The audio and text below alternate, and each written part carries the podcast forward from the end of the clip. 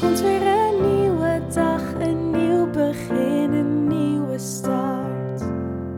Je wordt vanzelf verrast. Dus lach niet, heb het leven lief. Ook al heb je zorgen, pak het met beide handen vast. Dit is de Alles is Liefde podcast.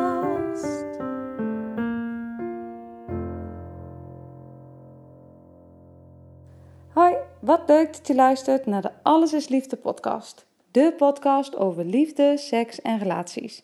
Mijn naam is Rianne Roes. Ik ben relatietherapeut en eigenaar van samenalleen.com. In deze podcast ga ik in gesprek met collega's uit het vak en raken we verschillende thema's aan.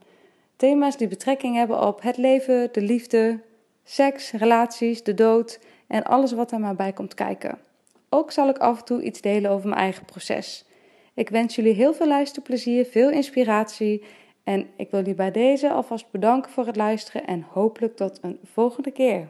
Dit is de Alles is Liefde podcast.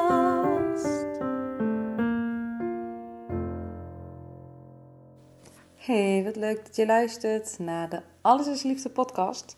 Weer een korte en snelle vandaag. Ehm, ja, ik ben door een van eh, jullie, een van mijn luisteraars, gevraagd om een podcast op te nemen over liefde in de lockdown. Nou, dus dat ga ik nu, eh, nu doen. En nou, ik heb wel echt even over nagedacht van... Ehm, ja, waar ga ik het dan over hebben? Uh, misschien moet ik me gewoon gaan praten. Want ik heb het niet super goed voorbereid, omdat ik meer voelde dat ik een gevoel met jullie wilde delen. Want ik weet het ook niet precies met de liefde in de lockdown. Um, ik vind het ingewikkeld en ik denk uh, met mij heel veel.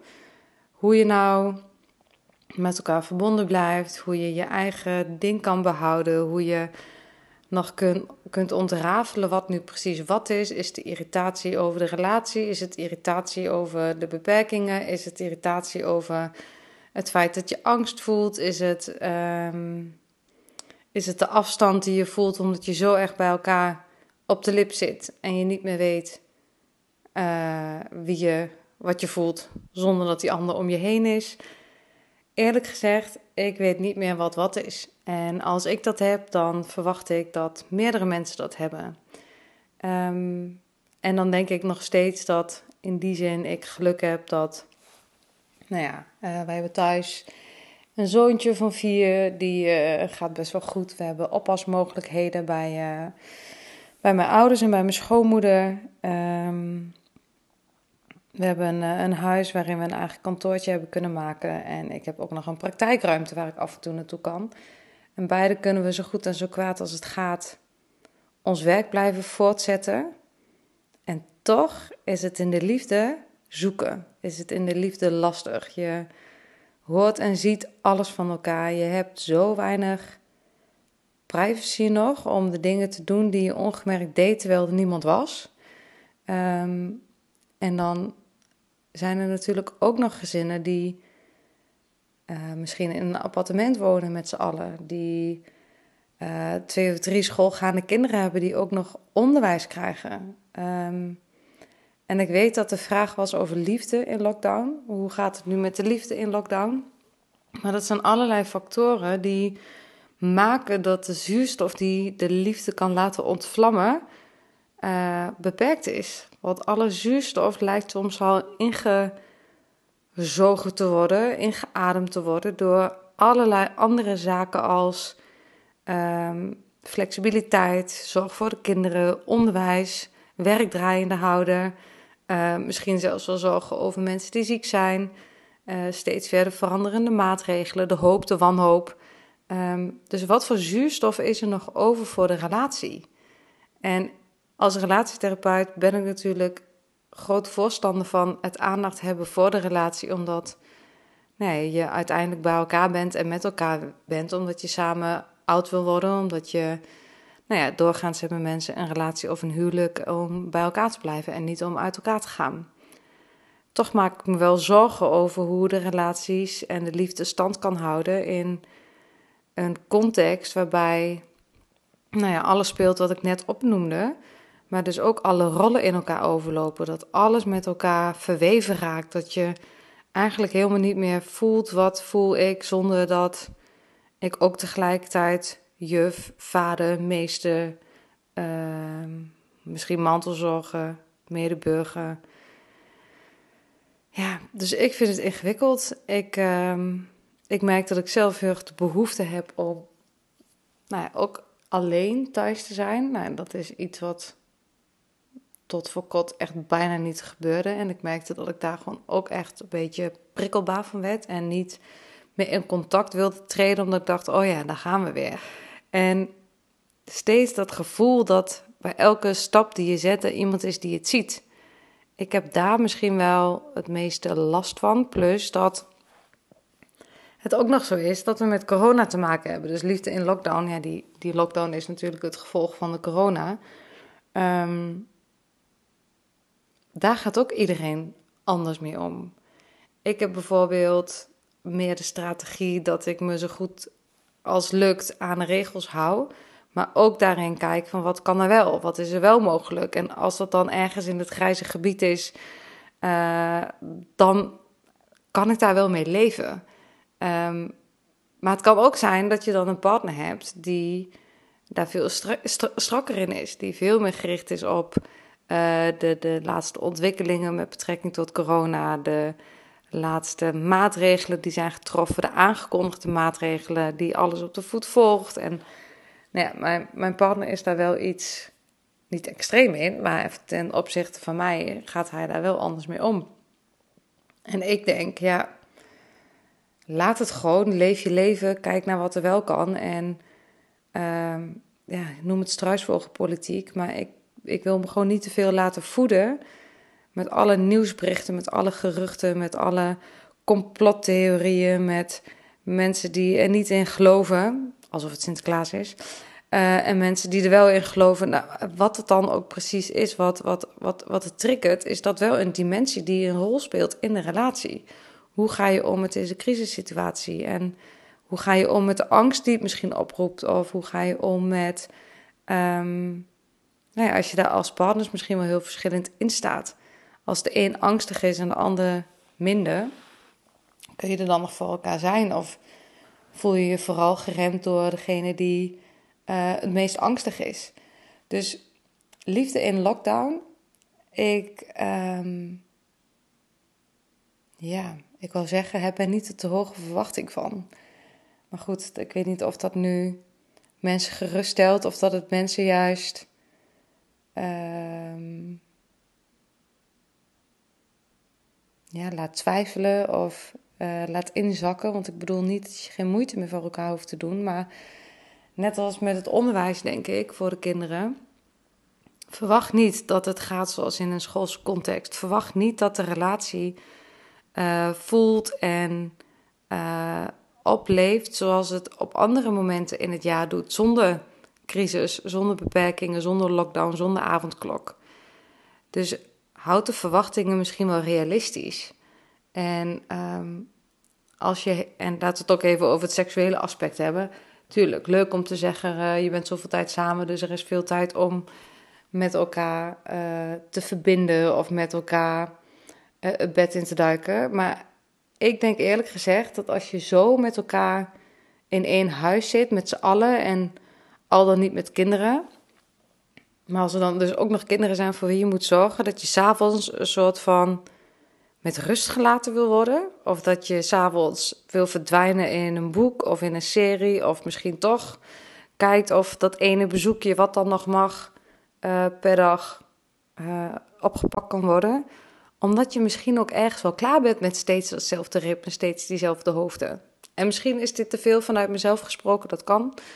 Um, en herken je je er helemaal niet in, dan hoor ik het ook graag, want ik ben heel benieuwd naar um, ja, hoe jij de lockdown, de liefde in lockdown ervaart. Waar je tegen aanloopt, wat, um, ja, wat moeilijkheden zijn, maar ook misschien wat onverwachte positieve, positieve dingen zijn. Dat, blijft ook elke keer zoeken, merk ik. Nu, ik merkte dat mijn man en ik heel veel samen thuis waren, maar dat we eigenlijk bijna geen gesprekken meer hadden. En dat daardoor ook eigenlijk verwijdering ontstond, ontstaat. En dat we nu hebben gekeken naar hoe kunnen we samen een pauzemoment in de week plannen en gaan we wandelen. Ja, als je me dit uh, twee jaar geleden had gezegd, had ik je echt snoeihard uitgelachen. Um, maar het werkt. Want je weet dat met een kleuter je tijdens de eetmomenten uh, niet echt een fatsoenlijk gesprek kan voeren. Gedurende de dag ben je afwisselend of met kind of met je werk bezig. En als jij net even niet iets aan het werk, met je werk aan het doen bent, maar je partner wel, dan zit je elkaar alweer te storen. Dus dan is er ook alweer het gevoel van, nou, dit komt nu niet uit. Dus we hebben dat gekaderd. Nu gaan we één keer in de week wandelen. En dat is eigenlijk heel fijn, omdat we het dan wel even over dingen kunnen hebben die, ehm, ja, die we meegemaakt hebben, of die we voelen, of die we ervaren in een relatie, of die, um, ja, die er leven bij ons, of die we willen vertellen. En ja, dat is voor, voor ons nu werkt. Maar we zijn nu 14 jaar samen en ik durf ook wel met jullie te delen dat dit niet de beste jaren of de beste tijd van onze van ons huwelijk is. Maar ik denk dat het ook niet kan. En dat we onszelf niet de kop gek moeten laten maken door te denken dat we ook nog allerlei verwachtingen moeten hoog houden. Of dat we, het, dat we iets van ons vragen wat niet haalbaar is. Want als je iets van jezelf verwacht wat op dit moment niet lukt, dan is de teleurstelling alleen maar groter. En is ook het idee dat je relatie uh, niet stand houdt groter, omdat het dan te veel schommelt. Het, de verwachting en de realiteit ligt dan te ver uit elkaar.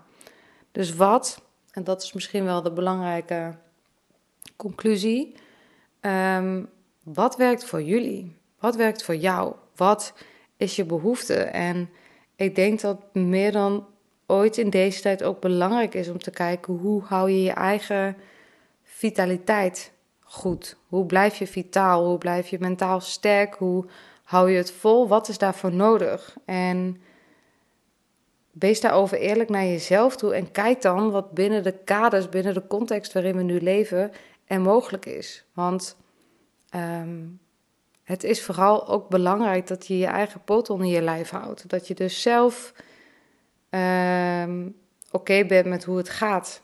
Zo goed en zo kwaad als het misschien gaat. En misschien leef je wel helemaal op in deze lockdown. Het is je van harte gegund. Maar dit is dan misschien meer een podcast voor degenen die wel zoekende zijn in hoe doen we dit nu.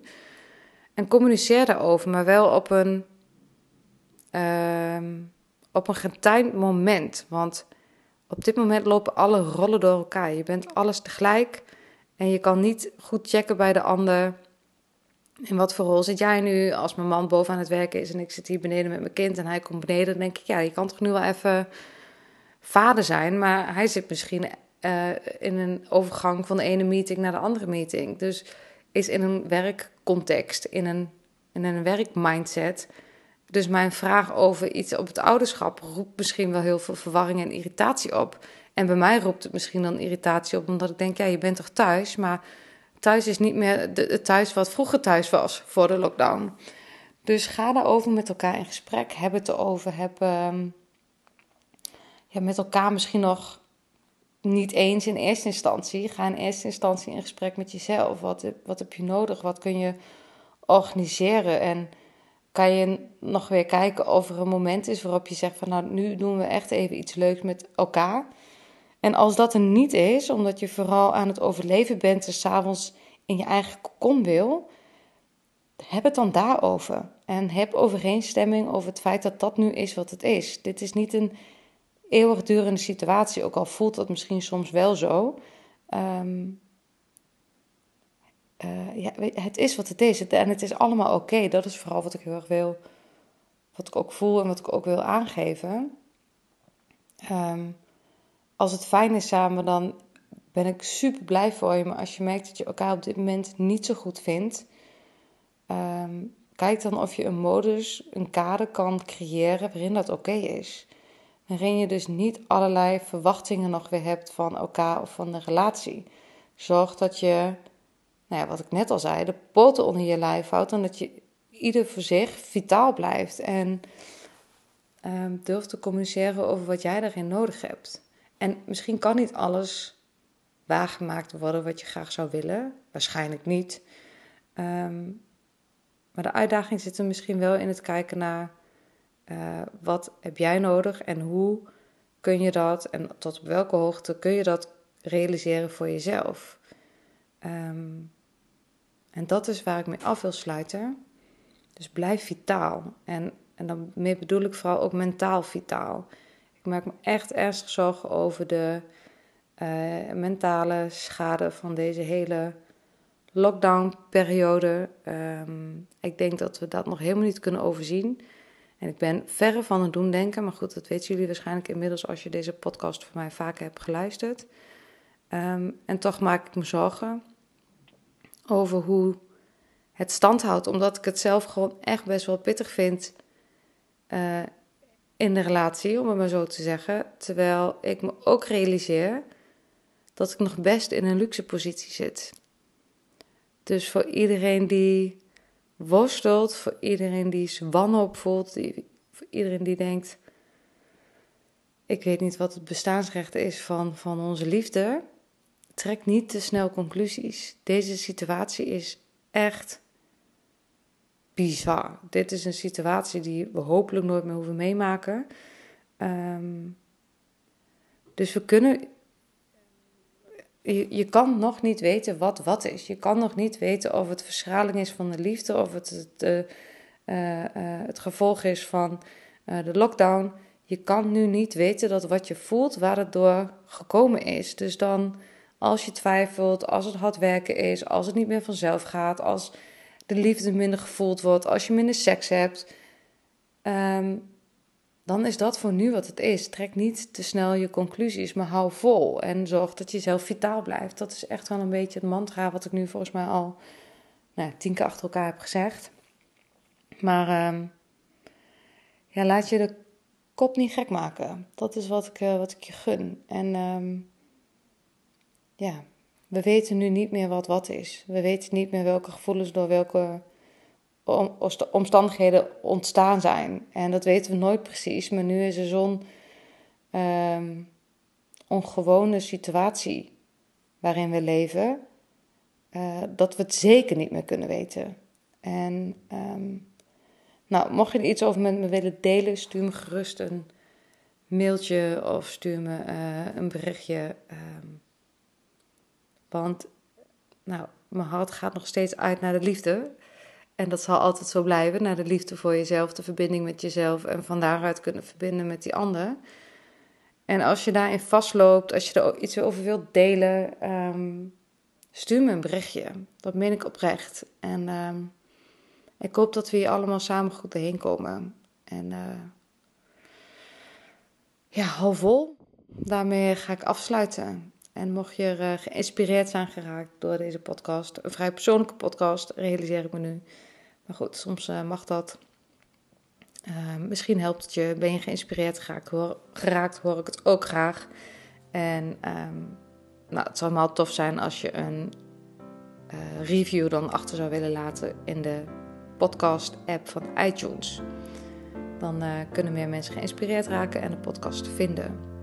Nou, nu ga ik echt afronden en uh, tot de volgende keer.